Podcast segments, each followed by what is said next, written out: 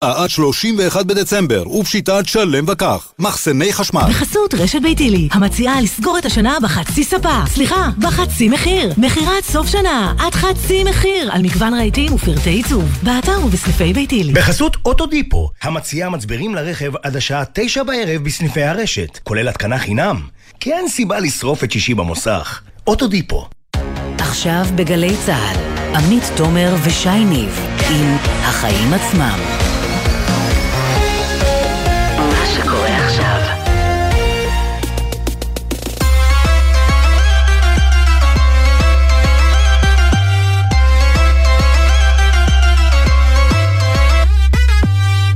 עכשיו שש וארבע דקות, אתם על החיים עצמם, התוכנית הכלכלית-חברתית של גלי צה"ל. אני עמית תומר, וכאן איתי באולפן שי ניב. מה העניינים שי? אהלן עמית, בסדר גמור. Uh, תראי, עברתי קצת לפני השידור על דוח השכר במערכת הביטחון שפורסם ממש עכשיו, האמת. Uh, לא כל כך נהניתי לקרוא חלקים ממנו, כן? עם כל הכבוד, ו...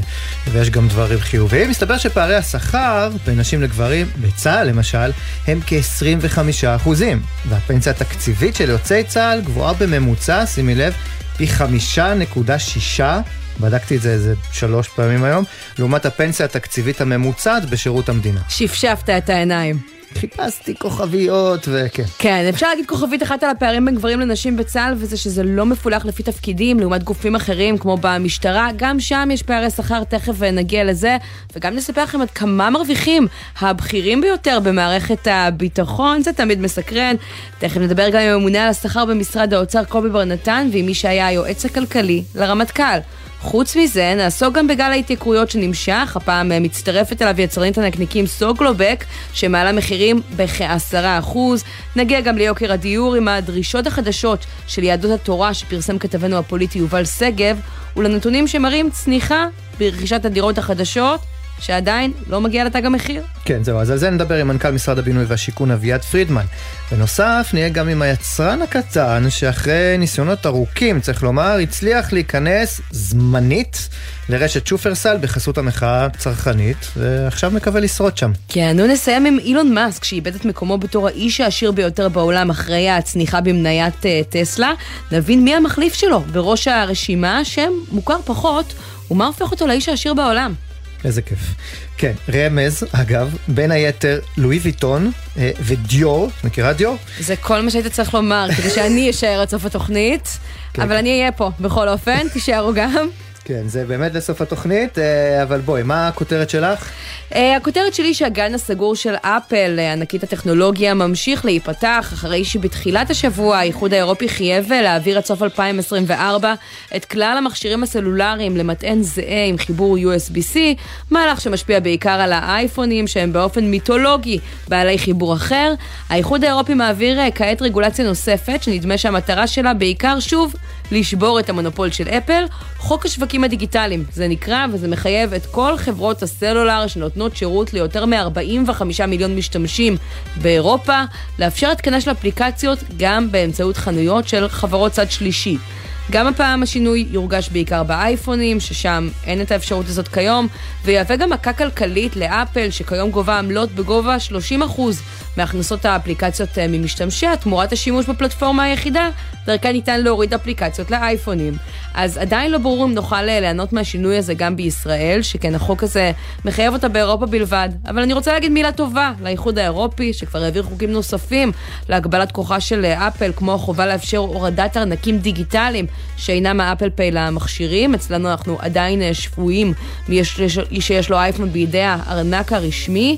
לענקית הטכנולוגיה יש כוח רב מדי, ואנחנו רואים בהתנהלות שלה לאורך שנים שהיא לא מהססת להשתמש בו, אז כדאי שגם רשות התחרות אצלנו ילמדו מהאירופים כמה שיעורים. לגמרי. טוב, תראה, אנחנו כל, אה, כל שעה כמעט אנחנו שומעים על איזה סעיף אה, חדש אה, ב, ב, מתוך המשא ומתן בעניינות התורה לליכוד. אני, אני רוצה לחבר את הדברים האלה עם איזשהו מופע, מופע די ככה של פופוליזם שראינו בתחילת השבוע, בתחילת השבוע, נדמה לי שזה היה ביום שני, של משה גפני מיהדות התורה. ודי הרגה אותי הצביעות שם. תראי, יושב גפני בוועדה ומנהל ברצף שני דיונים. האחד על עתיד מפעל טכנולוגיית להבים, והשני על עתיד זה מחלבות רמת הגולן, שנכנסו לאחרונה לחדלות פירעון. שני נושאים נורא כלכליים, חברתיים.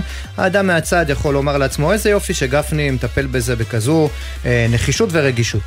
את רואה אותו שם מצהיר הצהרות, מוריד הנחיות, קורא להתערבות משרד האוצר, דורש לזמן את משרד הכלכלה, ממש נלחם שם על כל עובד ועובד שלא יאבד את הפרנסה. יפה, לא? מאוד. אממה, זה אותו גפני שבכל הזמן הזה במקביל מקדם יוזמות שרק יפגעו בכלכלה ובשוק העבודה, תקציבים למוסדות שלא מלמדים לימודי ליבה, מגבלות נוספות על עבודה בשבת, אפילו במקומות תעשייתיים, גם את זה שמעת, זה עוד לפני, את יודעת שאני מזכיר את הטירוף הזה לגבי ייצור חשמל בשבת, כן, לא? ככל הנראה יבטלו את נקודות הזיכוי, גם זה שמענו שניתנו רק לאנשים עובדים, ועוד ועוד, כלומר...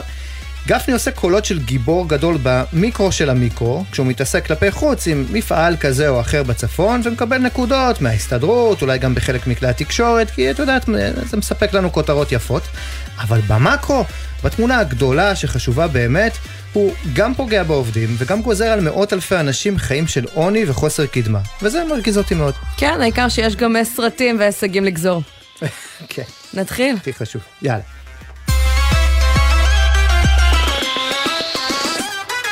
אז אנחנו פותחים הדוח שמתפרסם אה, בשעה זו של משרד האוצר על השכר במערכת הביטחון, שמספק לנו גם השנה הצצה כמה מרוויחים הבכירים ביותר אה, במערכת. אז הרמטכ"ל, אביב כוכבי, אם טעיתם, משתכר 102 שקלים מדי חודש, כמעט כפול מראש הממשלה. המפכ"ל, רב ניצב יעקב שבתאי, 91 אלף אה, שקלים, וראשת השב"ס, רב גונדר קטי פרי, 90 וארבעה אלף שקלים, וזה בראש הפירמידה, אבל לאורך כל השרשרת אנחנו רואים ברוב התפקידים שכר אה, גבוה יותר מהממוצע בשכר אה, במשק, ובמקרה של צה"ל, גם פנסיות מאוד מאוד גבוהות, פי 5.6 לעומת הפנסיה התקציבית הממוצעת בשירות המדינה. חייב לשים כוכבית, אני, אני בעד שהשכר יהיה גבוה יותר מהשכר הממוצע. כן? כן. אז בוא נשאל מה דעתו של אה, עורך הדוח הזה, קובי בר נתן, הממונה על השכר במשרד האוצר, שלום. ערב טוב עמית, ערב טוב שי. זו בדיוק השאלה שרציתי לשאול אותך, האם uh, בעצם הנתונים האלה שאנחנו רואים, הכרחיים לשיטתך לאופי התפקיד? כי בכל זאת מדובר פה בהרבה מאוד תפקידים, באנשים שמסכנים את עצמם uh, ונמצאים באיזשהו סיכון uh, ביטחוני ועושים שירות למען הציבור, או שמדובר בכל זאת הפערים האלו בחגיגה שעולה לקופת המדינה קצת יותר uh, מדי? המטרה של הדוח היא דבר ראשון, היא שקיפות לציבור. בסוף מדובר כאן על משרתי ציבור, אה, אנשי קבע, משרתים במשטרה, כוחות הביטחון. אני חושב שהדבר הכי חשוב, וזו המטרה בדוח הזה ובשאר הדוחות שאני מפרסם באופן עקבי בשנים האחרונות, זה כן אה, לשקף לציבור על מה הכסף הציבורי, מה המיסים שאנחנו משלמים יוצאים. אני חושב שזה דבר חשוב. מעבר לזה אנחנו גם מציגים את המגמות. כלומר, בדיוק מה ששאלתם, האם זה עונה על המטרה אה, או לא עונה על המטרה, האם שכר גבוה או לא, זו שאלה קצת יותר מורכבת. בכל זאת, אתה הממונה על השכר במשרד האוצר, אז נדמה לי שחוץ מלשקף את הנתונים, אתה גם האיש שאמור לענות על השאלה הזאת. זה בהחלט, ולכן אני אומר, אנחנו כן מציגים כאן את המגמות, כלומר, מה קרה בעבר ולאיפה הולכים. אנחנו כן מדברים על מה הכלים שהגופים האלה, הגופים הביטחוניים במקרה הזה, שהם צריכים כדי לתת את המענה שהם צריכים, בעיקר בהתאם למגמות של שוק העבודה. תגידי, אבל קובי, עם יד על הלב, הפערים לא גדולים מדי, הזכירה קודם עמית את הנתונים של הרמטכ"ל, של המפכ"ל ושל רב גונדר אה, אה, בשב"ס. 100 אה, אלף שקלים וקצת פחות מזה, לעומת, אתה יודע, 13 אלף שקל, 15 אלף שקלים, אלה, אלה פערים מאוד גדולים. אני לא יודע אם כדאי להתמקד בפערים, כי בסוף מדובר באמת על ראשי הפירמידה. אני זוכר שהאגף שלך, אתה יודע, האגף שלך, אגף הממונה על השכר באוצר, הגביל למשל בזמנו, כבר עברו אה, לדעתי אה, יותר מעשר שנים, את השכר של מנהלי קופות החולים, למשל, לכ-60 אה, אלף שקלים. אנחנו מדברים על, על תאגידים מאוד גדולים, בטח אם מסתכלים על שירותי בריאות כללית למשל, או מכבי, במה זה שונה? אז קודם כל אתה זוכר את המספרים האלה מלפני עשר שנים, מאז הם קצת אה, אה, עלו. קצת עלו, כן. אבל זה לא אה, המאה אלף שקלים לא, שראינו בעשור לפני כן. אז אני אתייחס רגע עוד פעם. אני חושב שבסוף צריך להסתכל על המאסה ולראות האם מבנה השכר, וצריך להתייחס, ודיברנו קודם, דיברת תמיד, הפנסיה, האם הם הצורה הטובה ביותר כדי למשוך את כוח אדם האיכותי למערכות הביטחון בכל הגופים. אנחנו חושבים שבסוף מבנה השכר שנבנה כבר לפני עשרות שנים לא עבר שינוי משמעותי לאורך השנים והוא לא מתאים את עצמו לשוק העבודה.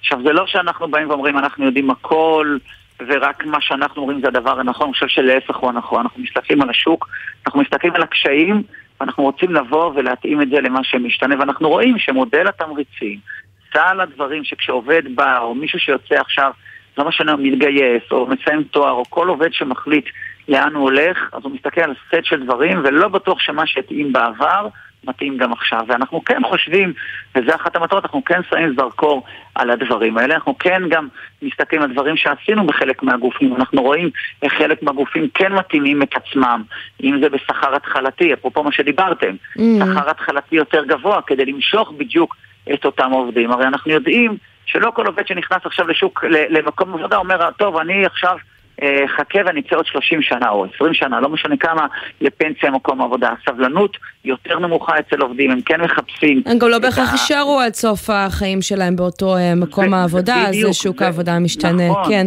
אני נכון, רוצה לשאול אותך אבל בהקשר הזה, לגבי הפנסיות, אה, הנתון הגבוה שאתם מפרסמים, כולל את הגדולות הרמטכ"ל, שכיום ניתנות באופן כמעט גורף, הממשלה האחרונה החליטה שהיא תשנה את זה, אבל היא התפזרה לפני שהיא נדרשה לנושא.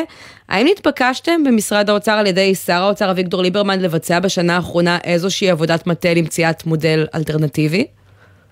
אז הנושא הזה, אה, ההחלטה לגבי הגדלות הרמטכ"ל, מה שקוראים לזה הגדלות הרמטכ"ל, אז uh, התקבלה בתקופת הממשלה uh, היוצאת, עם שר האוצר היוצא.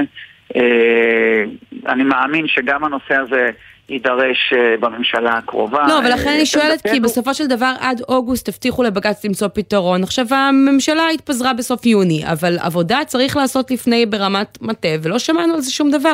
פעלתם בנושא? יש לכם תוכנית מגירה להגיש לשר הבא? כן, אז קודם כל יש לנו עבודת מטה על כל הנושא הזה, כמו בשאר הדברים. אנחנו כשהצגנו את זה לקבלי החלטות, הם החליטו לקבל החלטה אה, לא לפי המלצה שלנו, וזה גם בסדר, כי בסוף הם מקבלי ההחלטות. הדבר הזה יידרש גם בממשלה הקרובה. אם ישאלו אותנו כמובן נגיד את עמדתנו, אה, אני מקווה שעמדתנו תתקבל, אבל זה לא בטוח שזה גם מה שיקרה. כן, הזכרת קודם את הצורך אה, לתמרץ, לשמר כוח אדם אה, איכותי אה, במערכת הביטחון וצה"ל בפרט. קראנו ממש לא מזמן אצל חבר המערכת סמי פרץ בדה מרקר, שהאוצר סיכם ממש לאחרונה עם צה"ל על איזושהי חבילת תמריצים שמאפשרת לתת לאנשי קבע, בעיקר ביחידות טכנולוגיות ומודיעין, עד 200 אלף שקלים מענק כדי להישאר בתוך המערכת. אה, זה משהו שאתה ככה יכול אה, אה, להגיד שהוא עובד כבר? אתה רואה תוצאות? התוצאות רואים כי המודל הזה של מענקים לבאמת המקצועות טכנולוגיים או מקצועות, לא, לא יודע אם טכנולוגיים בהכרח, אבל בעיקר למקומות שיש קושי משמעותי בגיוס, וה, והקושי הוא... כי השכר בחוץ גבוה מאוד. הפרטי, כן. הוא גבוה מאוד, אבל שים לב גם, בסוף המספרים שנאמרו באמת לקבוצה מאוד מאוד מצומצמת. המודלים האלה, אגב... הם היו מספרים מאוד גבוהים, רק נזכיר, דובר על מענקים של מאות אלפי שקלים, אם אני לא טועה. וזה למספר מאוד מאוד מאוד מצומצם אה, של משרתים, אבל השיטה הזאת זו שיטה, מה שדיברנו קודם. אנחנו לא רק מסתכלים על שכר הבסיס, אלא אנחנו מדייקים כל הזמן את המענקים. הדברים האלה בסוף, כשהם נעשים למקומות הנכונים ונעשים בצורה דינמית, עובדים, אנחנו תומכים בשיטה הזאת כי מעבר, ל, כמו שאמרתי קודם, השכר הקבוע, אתה צריך לראות מה המגמות בשוק, ולפעמים יש מקצועות מסוימים אה, אה בטכנולוגיים שיותר נדרשים ואחר כך הם פחות נדרשים, ולכן היכולת הזאת לגמישות, כמו אקורדיון, כל פעם לצמצם ולהרחיב לפי הצורך, אני חושב שזה נותן מענה, וזה מה שאנחנו רוצים, שכל אה, הגופים הביטחוניים שאנחנו מדברים עליהם בדוח שאני מפרסם היום, יהיה להם את הכלים, אבל בעיקר יהיה להם את הגמישות הזאת. כן. כי אנחנו לא יכולים להרשות לעצמנו שלא יהיה להם את הדבר הזה. תגיד לי, איך אתה מסביר את פערי השכר בין אה, נשים לגברים בכל הגופים הביטחוניים, אה, ולא רק שיש פערי שכר אה, גבוהים של עד 25 אחוז, אם זה בצה"ל, הזכרנו קודם, אתה רואה שגם הפערים האלה רק הולכים ומתרחבים מאז 2017, אין מגמת צמצום, להפך. אני אגיד, את ה, אני אגיד כמה דברים. קודם כל, במגזר הציבורי ככלל, הפערים המגדריים הם יותר נמוכים מהמגזר הפרטי. יש פערים אכן, פערים מגדריים יותר גבוהים בגופי הביטחון, ואני אסביר את זה, כי בגופי ביטחון השכר הוא דיפרנציאלי, שחלק גדול ממנו מותנה, נקרא לו, ברמת הסיכון של, של המשרת. כלומר, אם יש מישהו שהוא לוחם קרבי, השכר שלו יותר גבוה מאשר כן, אין. ספק שבצה"ל אנשים, רגע, ולכן- נשים רגע, וגברים... אני אשלים, אוקיי. אני אשלים, ולכן, מה לעשות? שזה אה, זה, זה, זה קיים, וזה אולי מצטמצם קצת, אבל עדיין לא בצורה דרמטית, עדיין יש יותר... רגע, קובי, אה, אבל קודם גברים כל, לוחמים. לא פרסמתם אה, פילוח לפי תפקידים בצה"ל, ולכן אנחנו לא יכולים לקבל תמונה מלאה, אבל אני הסתכלתי על מה שפרסמתם שקשור אה, למשטרה, וגם כשמסתכלים על תפקידים זהים, ולא בהכרח מבצעיים, למשל קרימינולוגית מרוויחה בממוצע רק 60% מהמקבילים הגברים שלה, משפטניות 90%, ואלו רק דוגמאות בודדות לתופעה די גורפת, גם בתפקידים שאין בהם אני סיכון. אסביר, רגע, אני, אני אסביר, אני אסביר, ונתתי רק היבט אחד לפערים, שזה אגב, היבט שאני חושב שגם אתם תסכימו בסוף, לא משנה אם זה משרת או משרתת, מי שמסכן את חייו יותר, התגמול צריך להיות בהתאם. אז זה מסביר חלק מהדברים. אנחנו יודעים שבפערים מגדריים יש עוד דברים שמשפיעים על זה. אחד מהם, שזה פחות נוגע כאן, אבל זה כן נושא של עבודה נוספת, עבודה של כוננויות, עבודה מעבר לשעות עבודה רגילות של נשים. נכון, אבל זה בדיוק התפקיד של. רגע, המערכת, אסיים, להכיר אני בשעות אסיים. גמישות שנייה, יותר, ו... שי, כן. אני- רגע, תן לי רק לסיים, ותאמין לי, אני לא מנסה, אם הייתי רוצה לא להראות את הנתון הזה, לא הייתי שם אותו בדוח. ועובדה ששמתי אותו ואני מתמודד עם זה, כי הדבר הזה חשוב, אנחנו חושבים. שנכון ציבורית ומוסרית לדבר עליו, כי זה גם לא נכון, אגב, גם כלכלית. אבל הנושא השני, שהוא נושא, אני חושב שהוא נושא עומק, לא פחות מזה, זה נושא הבכירות. כל עוד, ואנחנו יודעים לפלח, אמנם אין את זה כאן כי זה יותר מורכב, גם במערכת הביטחון, אני, היכולת שלי מוגבלת בשיתוף לפי תפקידים, זה ברור למה, אבל בדוחות האזרחיים שלי, של המשרדי ממשלה, אז אפשר לראות גם לפי תפקידים וגם לפי פילוח אחרים, אנחנו רואים מאיפה זה נובע, אבל דבר מאוד משמעותי זה הבכירות. בסוף רוב, יש יותר אחוז גברים בתפקידים בכירים יותר, ולכן הפערים מגיעים משם. כן. עכשיו, זה הכל נמצא ביחד, ואני מסכים מה שאתם שניכם מעלים כאן, וזה נכון, צריך לטפל בפערים מגדריים, אבל צריך להבין, בחלק מהדברים עדיין נשאר פער, כמו שנתתי קודם, על רמות סיכון. אבל אני חושב שפערים אחרים, אני מסכים לגמרי, זה פערים בלתי נסבלים. אולי גם הגיע הזמן להתנות פועלים. אה, תקציבים, ולא רק אה, לשקף בשיפור המדדים האלו. אבל אני רוצה להספיק לשאול אותך עוד שאלה אחת אה, לסיום. אתה יודע, הפער הזה בין ההתכתשות, בין מערכת הביטחון לבין משרד האוצר, על כספים, על תקציבים, אנחנו פוגשים את זה בכל מיני חזיתות. עכשיו שר האוצר המיועד בצלאל סמוטריץ', שעשוי להיות בעצמו, או למנות מישהו מחברי מפלגתו אה, לסגן שר במשרד הביטחון. האם זה לא בעייתי, שבעצם אה, הוא עלול להחזיק בשני הצדדים של המקל הזה, ויגרום לפיזור תקציבי יותר גבוה? אני חושב שאת השאלה הזאת צריכה להפנות אליו ולא אליי. אני כן יכול להגיד לך שלפחות מהניסיון שלי במשרד האוצר, ויש לי אה, כמה שנים טובות, בסוף כל העבודה נעשית בצורה מאוד מאוד מקצועית, והתפקיד שלנו, שלי כגורם המקצוע בכיר בתחום הזה, כן לשקף את כל המשמעויות, ויש הרבה משמעויות שאגב, רק חלק רואים כאן בדוח. ניסינו, זה דוח מאוד מאוד מקיף וקשה להכניס את הכל שם. התפקיד שלי הוא כן לשקף בפני מקבלי ההחלטות את כל הנושאים האלה. אה, ומעבר לזה בסוף, אני חושב שזו הדרך הנכונה, אם צריכים לקבל את ההחלטה, בעיקר להבין את המשמעות שלה. כן, קובי בר נתן, הממונה על השכר במשרד האוצר, הממונה היוצא, כבר אפשר לומר, תודה רבה שדיברת איתנו. תודה לכם, ערב טוב. ובואו נגיד שלום בעניין הזה גם לתת אלוף במילואים מהרן פרוזנפר, שלום. ערב טוב. לשעבר יועץ כספי לרמטכ"ל וראש אגף התקציבים במשרד הביטחון, מכיר את מבנה השכר אה, בצה"ל מקרוב ולא רק.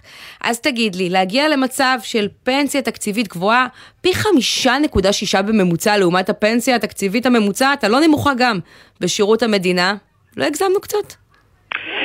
אני אגיד, יש איזה דיון פופוליסטי תמיד אה, לדבר על הפנסיה התקציבית של פורשי הקבע ביחס לאחרים, רק שוכחים את הנתונים הבסיסיים. והנתונים הבסיסיים הם נורא פשוטים. אה, צה"ל, קודם כל צה"ל הוא ארגון לוחם, כן, אז, אה, וזה המטרה שלו, אבל אני שם רק גם את זה לא, אנחנו בצד. מפרגנים שיקבלו כפול, שנייה, שיקבלו פי שלושה. אבל זה פערים אדירים. אז אני אסביר. הפערים הם בדיוק, זה בדיוק הפוך.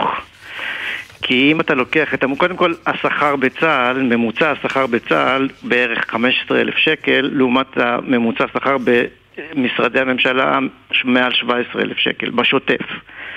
אני לוקח בחשבון שמשרתי קבע אה, לא עובדים לפי שעות, אני לא מדבר על הסיכון, אני לא מדבר על זה שהם כפופים לדין משמעתי, והכי חשוב, 100% ממשרתי הקבע, 100% ממשרתי הקבע מפוטרים.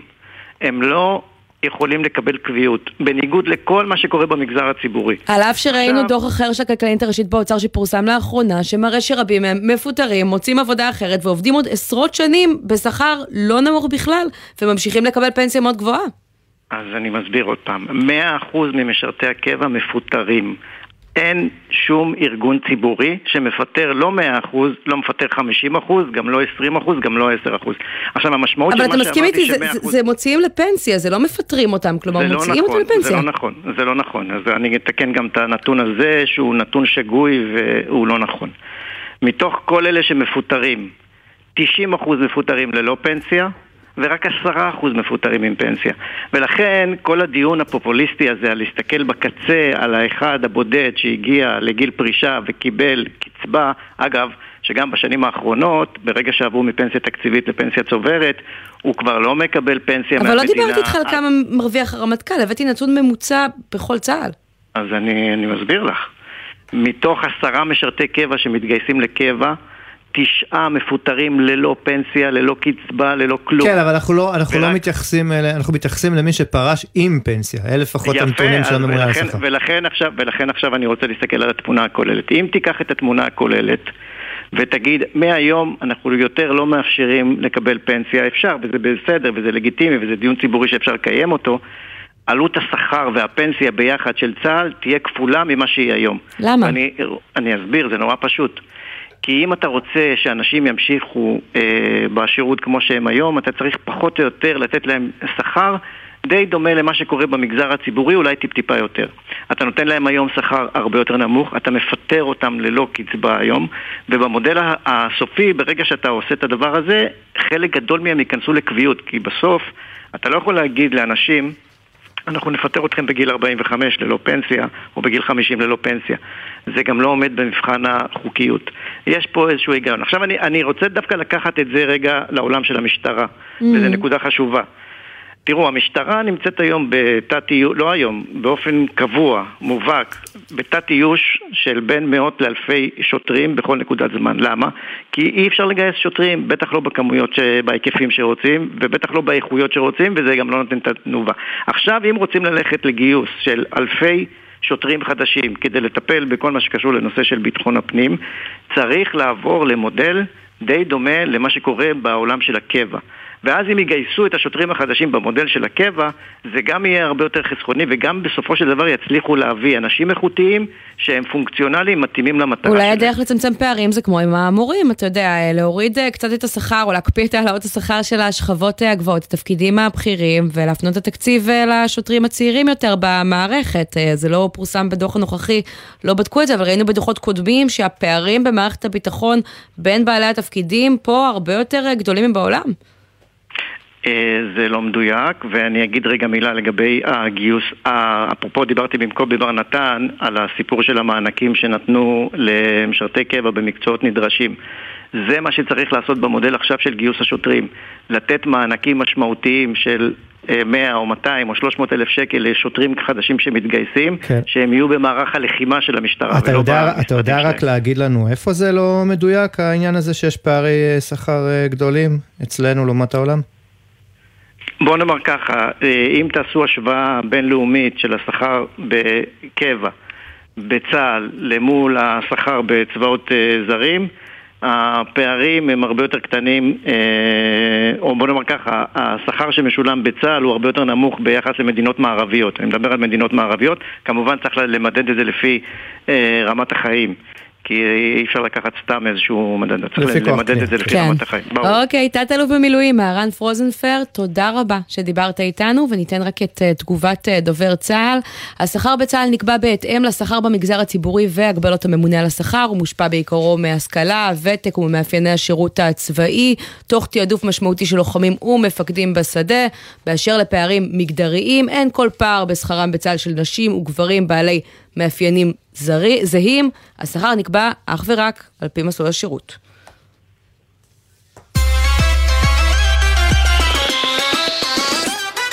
עניין אחר לגמרי עכשיו, גל ההתייקרויות במשק נמשך וזוכה אה, להצטרפות של אה, ענקית אה, מזון נוספת, יצרנית הבזאר זוגלופק, מעלה מחירים בכ-10%, ואיתנו בעניין הזה כתבתי לנו את צרכנות, עינב קרנר, שלום. שלום עמית, שלום שי, כן, זה רק היה עניין של שככה נראה את. הרכבת הדוהרת הזאת של כל היצרנים והספקים והיבואנים וכולם ככה מנצלים את אה, חגיגת עליות המחירים. אז גם, אה, גם זוגלובק אה, מצטרפת היום לעליית המחירים הזו ומודיעה על עליית מחירים בשיעור של כעשרה אחוזים. אנחנו מדברים על כל מוצרי זוגלובק כולל זוגלובק טבע מה שלא אה, יעלה אה, אה, לפי החברה זה מוצרי הוונדרס, שזה בעצם כל התחליפי אה, בשר שהם יישארו במחירם הנוכחי, ולטענת החברה הם מסבירים את העלייה הזו בגלל עליית אה, מחירי ההודו והעוף שהם אה, חומר גלם אה, מרכזי זו... בחברה. עינב, זו העלאה ראשונה של זוגלובק בשנה האחרונה או שזה כבר סיבוב נוסף? זה שנים רבות שזוגלובק, אני לא זוכרת בשנים האחרונות העלאה של זוגלובק וגם אם אני לא טועה בהודעה שהם הוציאו לעיתונות הם ציינו ש...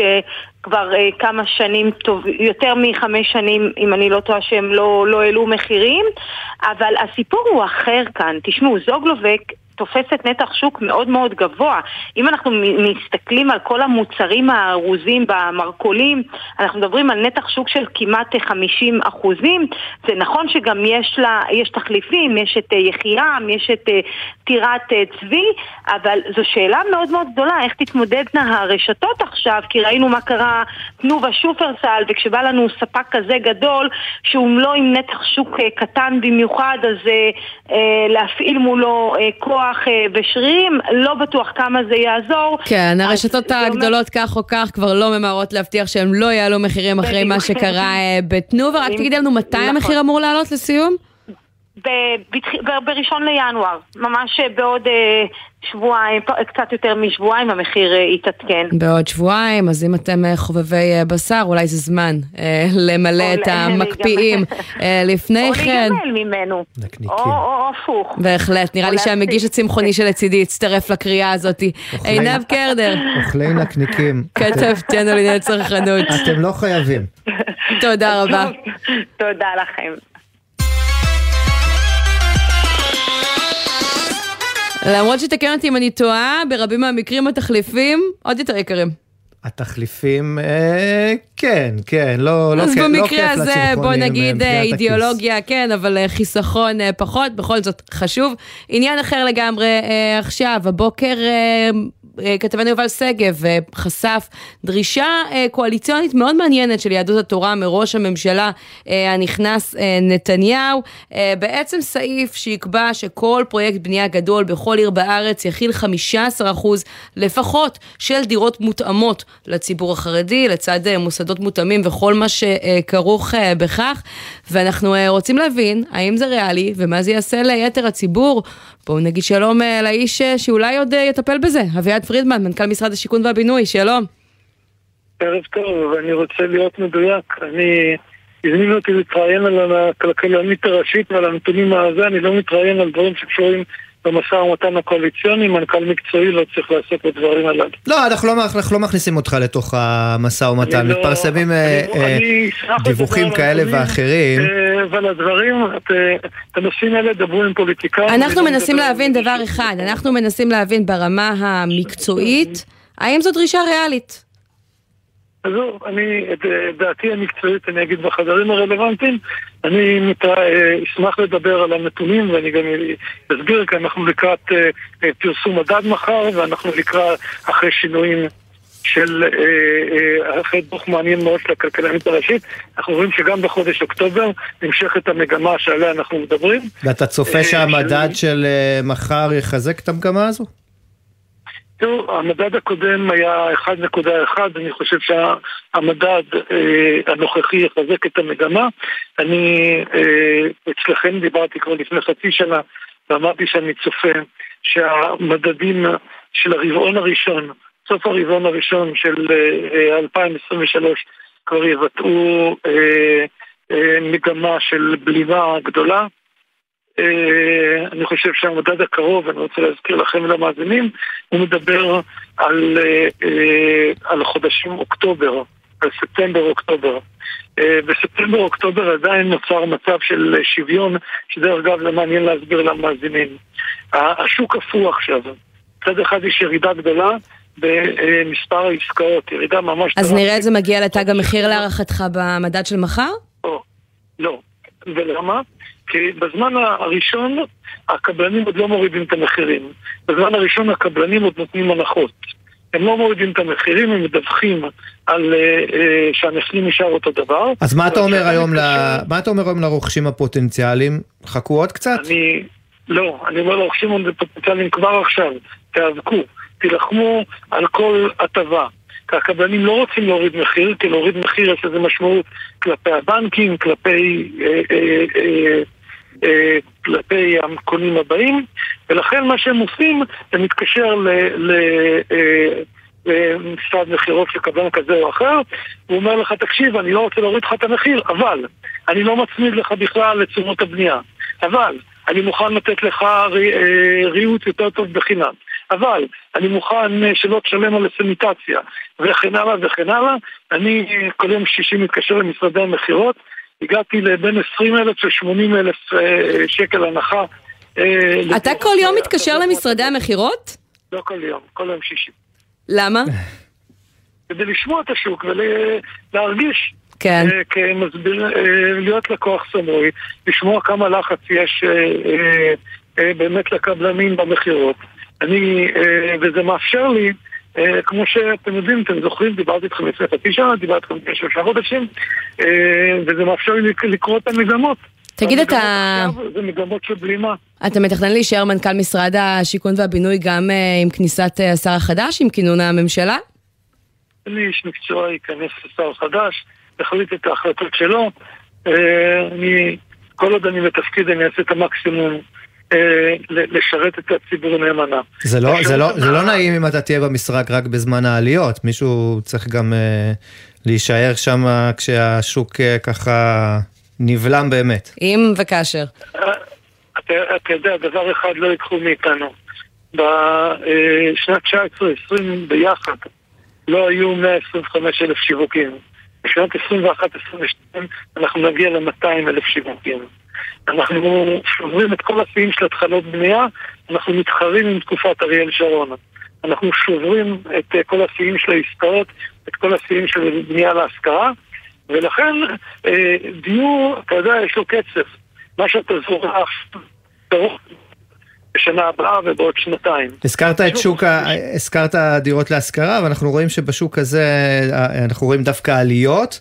אתה חושב שעשיתם מספיק שם? אה, תראה, לפני תקופתנו היה, אה, בשנת השיא לפני תקופתנו היה 1,500 יחידות להשכרה בשנת השיא. בשנה שעברה היינו ב-6,700 יחידות, השנה אני מאמין שנגיע ל-8,000. זה לא היה כשרציתי להגיע, רציתי להגיע ל-10,000, אבל אנחנו נהיה מאוד קרובים. והיה בנושא ההגרלות, אתה יודע, ה-28 לחודש מתחילה ההרשמה להגרלה. כן. אנחנו הצבנו יעד להגיע ל-30. אולי ההגרלה האחרונה שבה לא תהיו חייבים אה, לתת מראש 15% אה, לכל, למגזר החרדי בפרויקטים, כך על פי הדרישה הקואליציונית ומה שהיינו אמורים לדבר עליו. בכל זאת, דיברנו על דברים אחרים, ונגיד לך תודה רבה שדיברת איתנו. אני שמח לדבר איתכם ואני אומר לכם ולמאזינים, בכל אינטראקציה, בכל משא ומתן עם הקבלנים, תתעקשו, הכוח בידיים שלכם, אפשר לקבל הרבה הטבות, ובעתיד ההטבות האלה יתבטאו גם בירידות המחירים. עצה חשובה מאוד, תודה רבה. כמה תשדירים, ואנחנו uh, מיד uh, נדבר על מה קורה בהפניקס, ממשלת אבו דאבי, בדרך לרכוש את השליטה בחברה, והיצרן הקטן שהצליח להיכנס לשופרסל, הצד החיובי אולי של גל עליות המחירים, כבר חוזרים. נשמע, נשמע, סוף השבוע,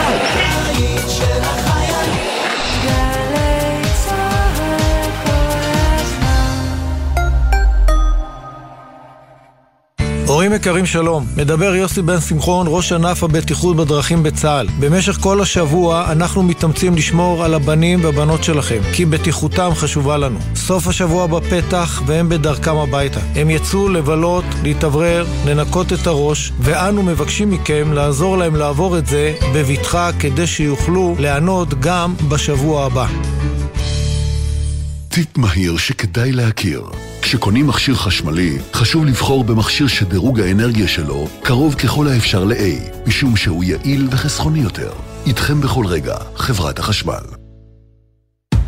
חנוכליים בירושלים! פסטיבל חנוכה לכל המשפחה בעיר העתיקה בירושלים. 20 עד 22 בדצמבר הכניסה חופשית ועוד עשרות אירועי חנוכה בירושלים. ציורי חנוכיות, אורות חורף, Winterlight בגן הבוטני ומגוון פעילויות במוסדות התרבות. בואו לחגיגת חנוכה בירושלים. עוד פרטים באתר iTravelJerusalem.com הופה כבר הגעת, הופה כבר הגעת, הופה כבר הגעת, הופה כבר הגעת.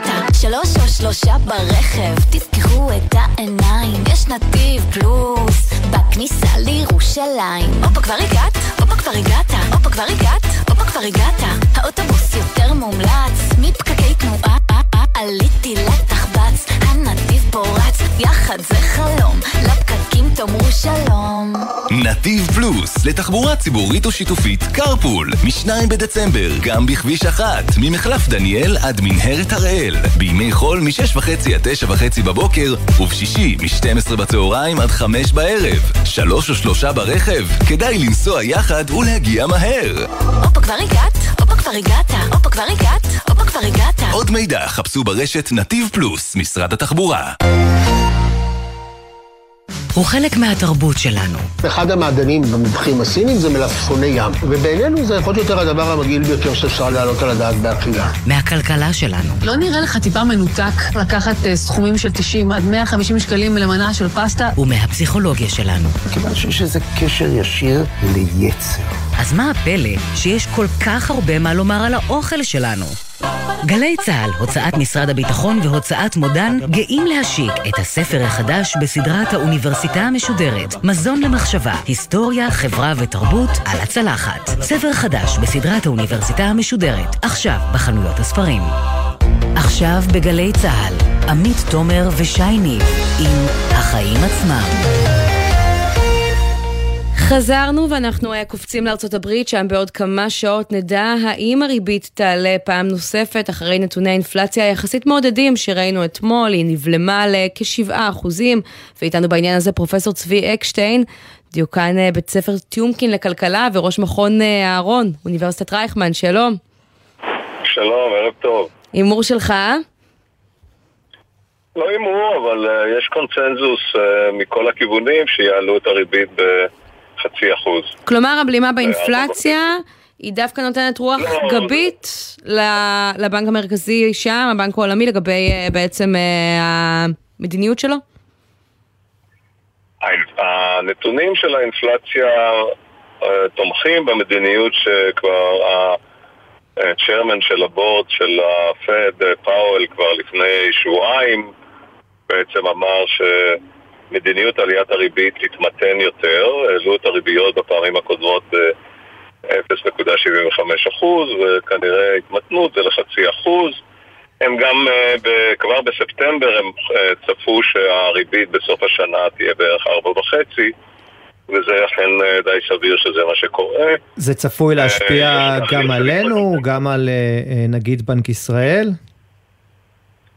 להשפיע במידה מסוימת, אה, אין ספק שיש קשר בין המדיניות, אבל שיעורי האינפלציה שיורדים בארצות הברית הם גם מאותתים על אה, שיעורי האינפלציה שמגיעים לשיא אה, בישראל. כלומר, אנחנו פחות או יותר נמצאים בשיא של אינפלציה והצפי של הבנקים המרכזיים זה שהאינפלציה לאט לאט תתמתן עד תחילת 24 תחזור לכיוון היעד של 2%. אה, ויש איתותים לכך, אה, והאיתותים האלה גורמים לבנקים המרכזיים למתן את אה, עליות הריבית. אני מעריך שגם בישראל כבר נקטו אה, בצעד הזה בהחלטה הקודמת. כן, ההחלטה הקודמת הייתה, נזכיר, של חצי אחוז, בדיוק כמו שאתה צופה שיקרה הלילה בארצות הברית. אז להערכתך בארץ אנחנו נראה העלאה של חצי אחוז פעם נוספת, או אולי אפילו פחות? קשה להתנבא, אבל סדר גודל של חצי אחוז בהחלט, היום אנחנו נמצאים ב-3.25, להגיע לסדר גודל של 3.75 בסוף השנה זה סביר, אבל גם שלוש וחצי אפשר להגיד שזה מדיניות סבירה בהינתן המדיניות, בעצם הריבית הריאלית שאנחנו רואים בישראל. מאחר ובישראל האינפלציה יותר נמוכה, גם ציפיות האינפלציה יותר נמוכות ולכן הריבית הריאלית שהיא נמדדת כהפרש בין הריבית שהבנק ישראל קובע לציפיות האינפלציה, כן. היא מספיק גבוהה כדי למתן את הביקושים. מילה לסיום על ציפיות האינפלציה אה, אצלנו, מחר מדד המחירים אה, לצרכן, נראה סוף סוף ירידה מיוחדת כמו בארצות הברית להערכתך או שאנחנו עדיין לא שם?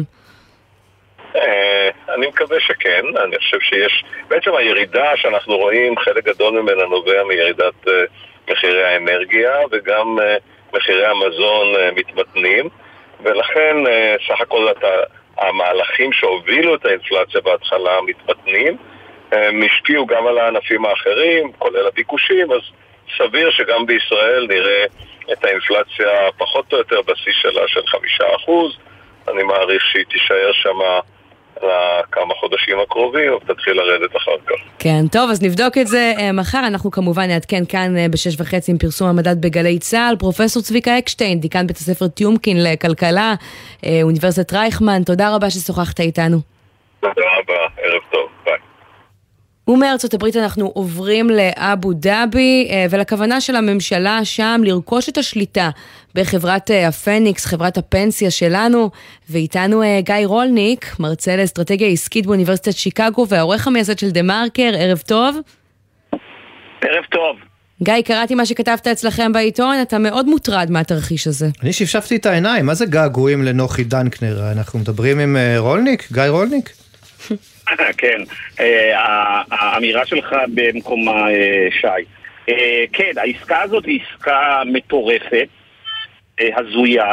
מה שמדהים הוא שהן הקונה והן המוכר מאמינים שממשלת ישראל, שכמובן צריכה לאשר את העסקה הזאת באמצעות הרגולטורים שלה, גם יושב ראש רשות שוק ההון, שזו רשות עצמא, שאמורה להיות עצמאית, גם בנק ישראל, למעשה רגולטורים רבים אמורים להיות. והם מניחים שהעסקה הזאת תעבור, ואני אסביר למאזינים מה זה העסקה. העסקה אומרת שממשלת אבו דאבי, מי שלא יודע, אבו דאבי זה אה, ממשלה, מדינה אוטוקרטית לחלוטין. אה, מה, מלוכה. חברתנו מהסכמי אברהם אבל, לא?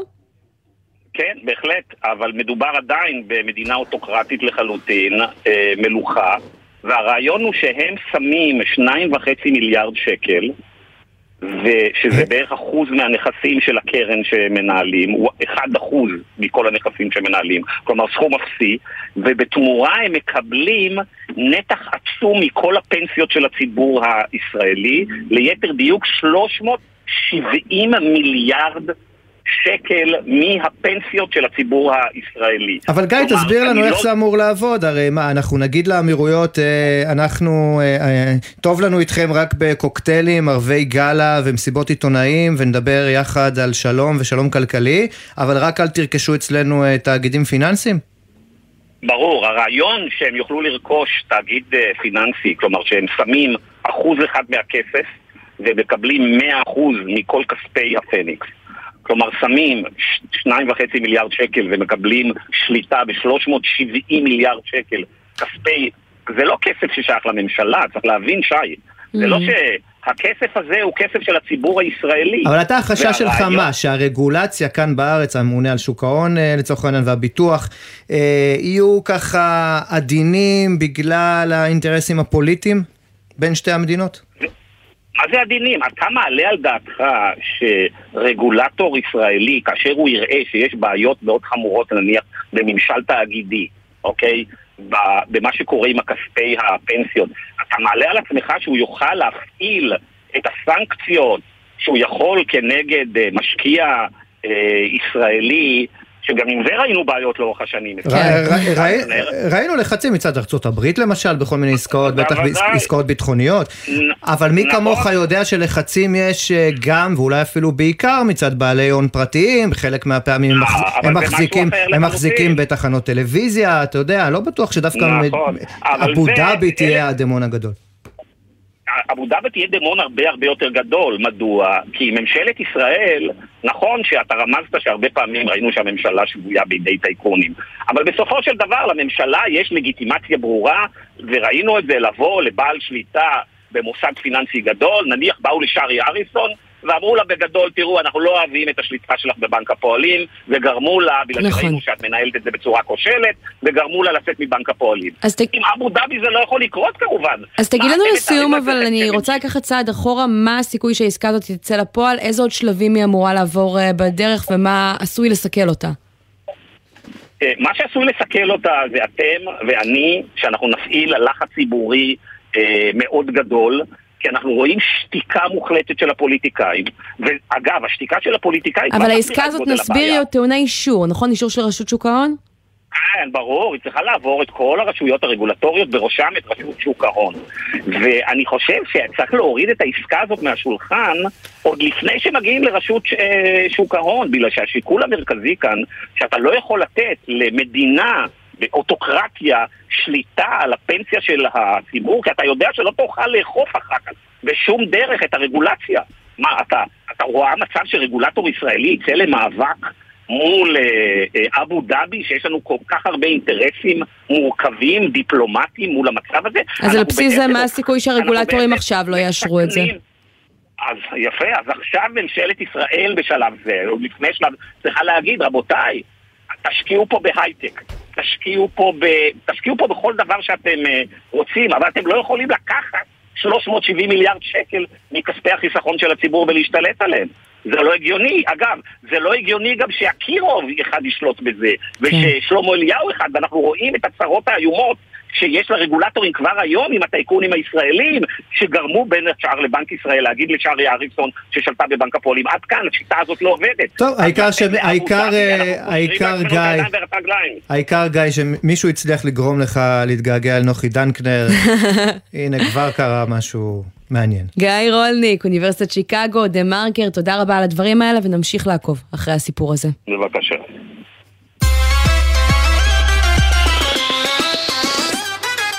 ועכשיו אנחנו לקצת חדשות טובות, בוא נגיד שלום לליאור צוקר. ערב טוב. ערב טוב, סמנכ"ל מכירות באשבול, יצרנית אה, דגני בוקר.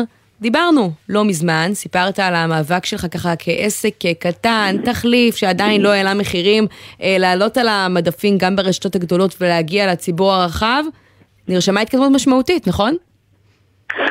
אה, כן, בהחלט. אה, אנחנו בחודש האחרון אה, הצלחנו לשים את המוצרים שלנו לראשונה בשופרסל, דגני בוקר. איך זה קרה? הגדולים בתכולה. אני חושב שיש שתי סיבות מרכזיות. אחת זה שפשוט יש מקום במדפים. זאת אומרת, נוצר חוסר, וכשיש חוסר אז יש ביקוש מוגבר למוצרים תחליפיים, זה א' ב'. רגע, אבל כמה זמן ניסית להיכנס למדפים שלהם? אה, זה היה כמו קו אה, מז'ינו כזה, אה, לא, המוצרים שלנו צריך לה- להבין שאנחנו מבחינה ויזואלית הם שונים כי הדגני בוקר הם בשקית, משהו דרך אגב שהוא מאוד מאוד נפוץ בחו"ל, גם במותגים הכי גדולים שיש. בגלל שהם בשקית, אז היה מין חסימה. מה גם שאנחנו מכירים את המצב הידוע ברשתות שהרוב המוחלט של השדות נשלט, נניח בעולם דגני הבוקר, על ידי אה, תלמה יוניליבר ואוסם נטס. אז זה לא הסיפור נשאר פה, כי אתה שנים, שנים ארוכות אה, מנסה, עכשיו שופרסל אה, מחרימה את יוניליבר, או מחרימה אותה כי היא לא מקבלת את עליות המחירים שלה, אבל כך או כך אין מוצרי יוניליבר בשופרסל, ואתה בעצם זוכה פה מן ההפקר? תראי, בכל אה, משבר יש אה, הזדמנות. אה, לא, לא, אנחנו בעד, אין כן? שלא שלא תטעה, המדפים הם ריכוזיים ספק. ברור, ברור. כולנו וכולנו מרגישים את זה בכיס כל יום. תשמע, אה, אני חייב להגיד לך, אחרי השיחה הקודמת אה, שלנו, שבה גם אה, התרפקנו על הזיכרונות העבר אה, סביב המוצר, של- ש- השלווה שלכם, כל מי ש... המיתולוגי. כן כן זה עדיין על המדפים צריך לומר. תשמע אני סיפרתי לאשתי על המחירים שלכם של דגני הבוקר, היא אמרה כן אבל תבדוק אם יש שם שמן דקלים, איך לא שאלת על זה. ואז באמת הלכתי לכל מיני מדפים ומצאתי בכל מיני מוצרים תחליפיים אה, שהיו באמת זולים, שמן דקלים שאל תשאל אותי למה זה מזיק אבל כנראה שיש סיבה. יש פה מוצרים שלכם, הנה תעשה לנו סדר בעניין האיכות. אולי המחיר, אולי המחיר הזול זה בגלל שהאיכות פחות uh, טובה.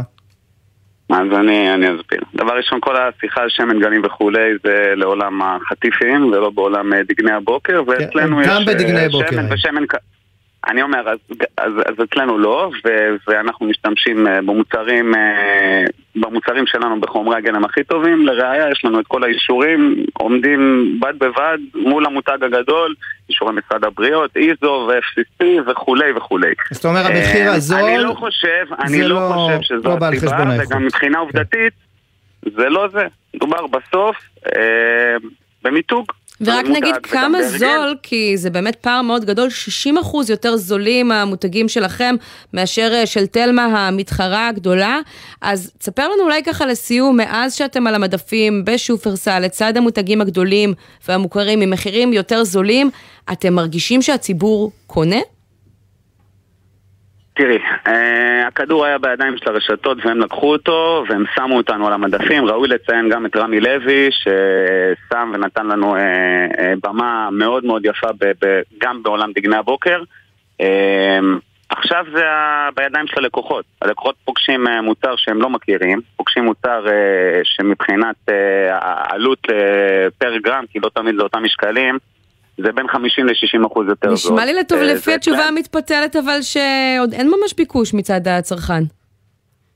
אין ספק שאנחנו מוכרים פחות מהמותג המוביל, אבל זה לא אנחנו, גם אם היית מביאה כל מוצר אחר שהוא לא מוכר, לוקח זמן להטמיע מוצרים, זה כן. לא דבר שלוקח ביום, אה, וזה תהליך.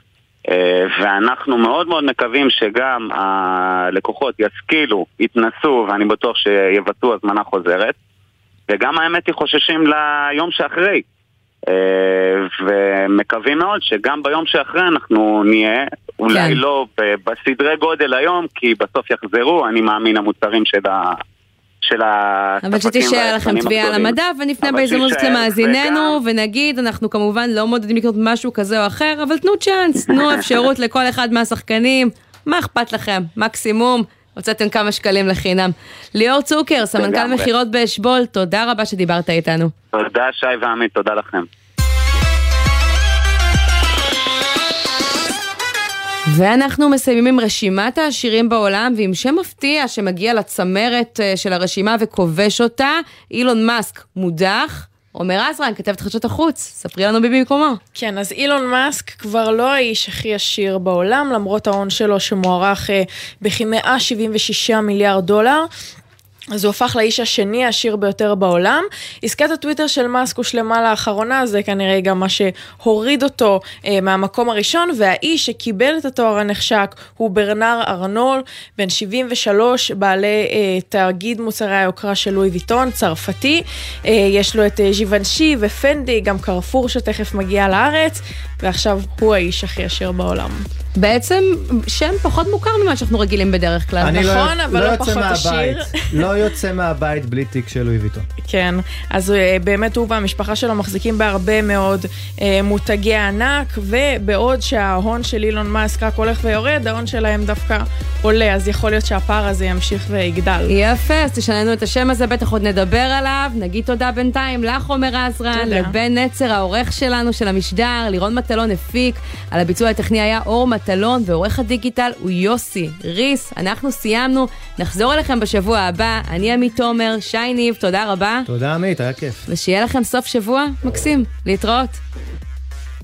בחסות מחסני חשמל, המשווקת טלוויזיות, מוצרי חימום, מייבשי כביסה, מזגנים, במחירי סוף שנה עד 31 בדצמבר, ופשיטת שלם וכך. מחסני חשמל. בחסות אייס, המציעה מבצע על מגוון הברזים המעוצבים מבית שגיב, בלי טיפת מע"מ. כולל חמש שנות אחריות. בסניפים ובאתר אייס. בחסות מועדון הצרכנות הוט, המציע להנדסאים, למהנדסים ולבוגרי מדעי המחשב לפתוח חשבון בבנק לאומי ולקבל מענק כספי, פטור מעמלות ועוד. לפרטים כוכבית 5521, כפוף לתנאי הבנק.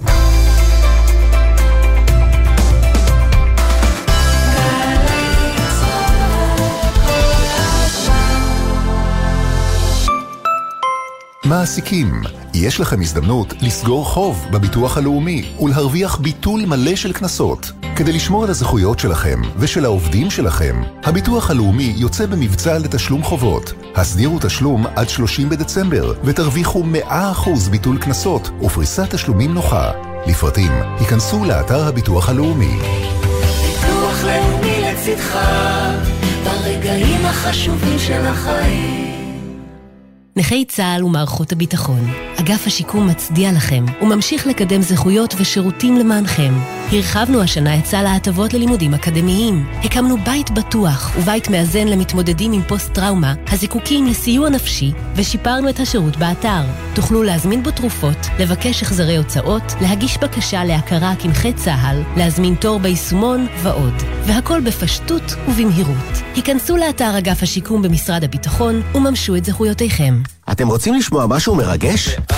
מפקד האוכלוסין 2022 מגיע לסיומו ב-31 בדצמבר. מי שעדיין לא ענה, כדאי שיזדרז, כי המענה הוא חובה. אז נכנסים לאתר, ממלאים ומקבלים שובר מתנה. הלשכה המרכזית לסטטיסטיקה ממשיכה לערוך סקרים במגוון תחומים. למשל, נתוני תעסוקה ואבטלה במשק, מדד הדיור, מדדי המחירים, הוצאות משקי הבית בישראל, ועוד הרבה נתונים המשפרים את איכות החיים של כולנו. ותודה על שיתוף הפעולה. חבריי הוותיקים, בגילנו מגיע לנו עוד, גם בכביש. לחכות עוד דקה או שתיים בקרבת מעבר החצייה ולא לחצות את הכביש לפני משאית או אוטובוס שלא תמיד מבחינים בנו. ובכלל, חשוב ליצור קשר עין עם הנהג לפני החצייה, לוודא שראה אותנו ושהוא נותן לנו עוד קצת זמן לחצות. כ-50% מהולכי הרגל הנהרגים בתאונות דרכים הם אזרחים ותיקים. תנו להם עוד קצת זמן. אלה החיים שלהם. הרלב"ד, מחויבים לאנשים שבדרך.